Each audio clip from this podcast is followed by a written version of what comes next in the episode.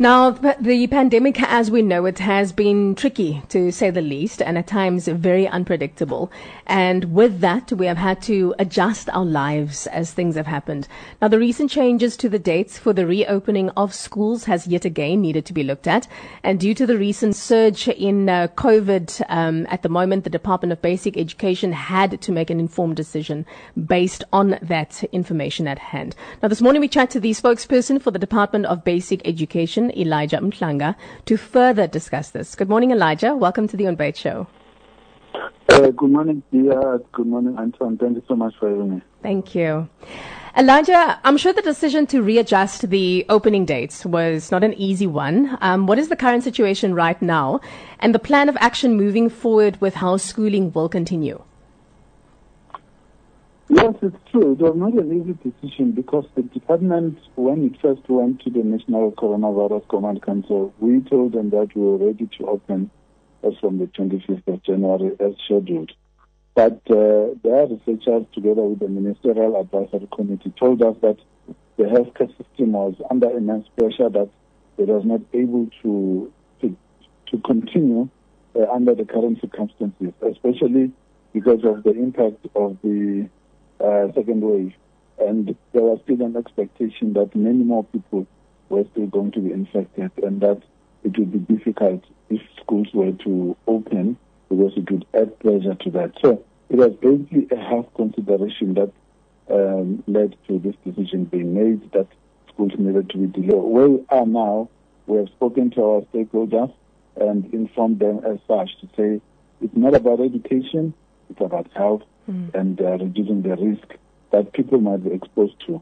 But we've also been explaining to some of them yesterday that it's really not about a school being ready or not. It's about whether the hospitals are ready mm. to, to take in more people. Should something happen, in case an accident or some other incident happens that would necessitate one having to go to a hospital for medical assistance.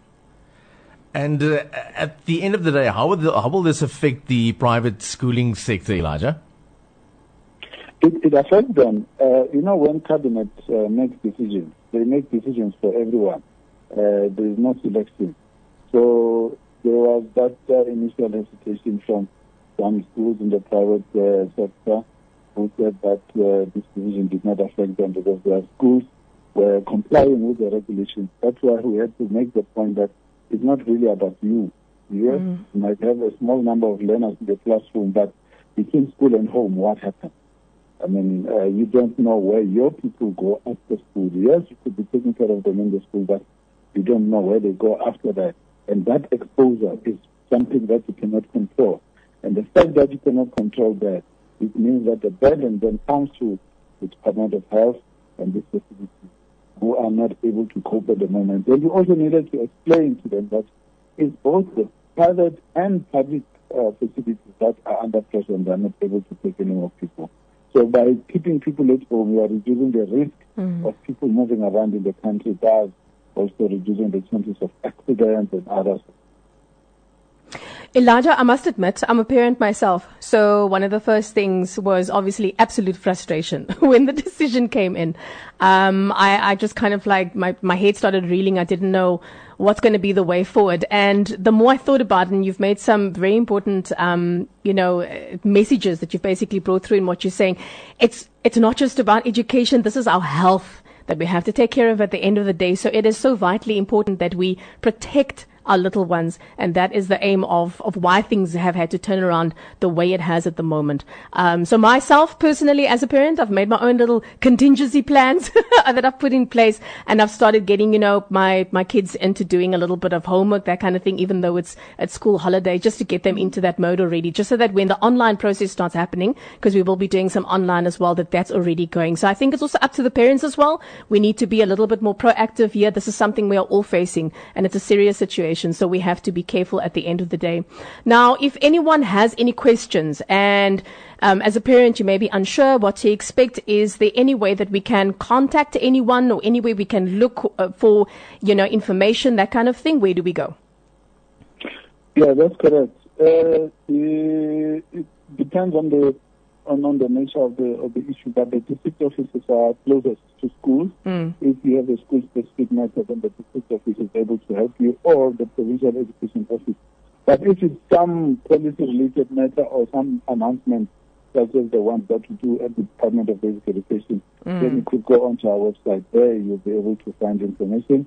But also my details are there on social media. We're very quick to respond to people. There is DBESA on Facebook, uh, DBE underscore SA on Twitter, and uh, my name is Elijah Mhlanga on Twitter and Facebook. So we are available there to engage with people. And some of the things that we implement, by the way, these are suggestions from people that write to us and we engage, and then they say, why don't you do this? We listen.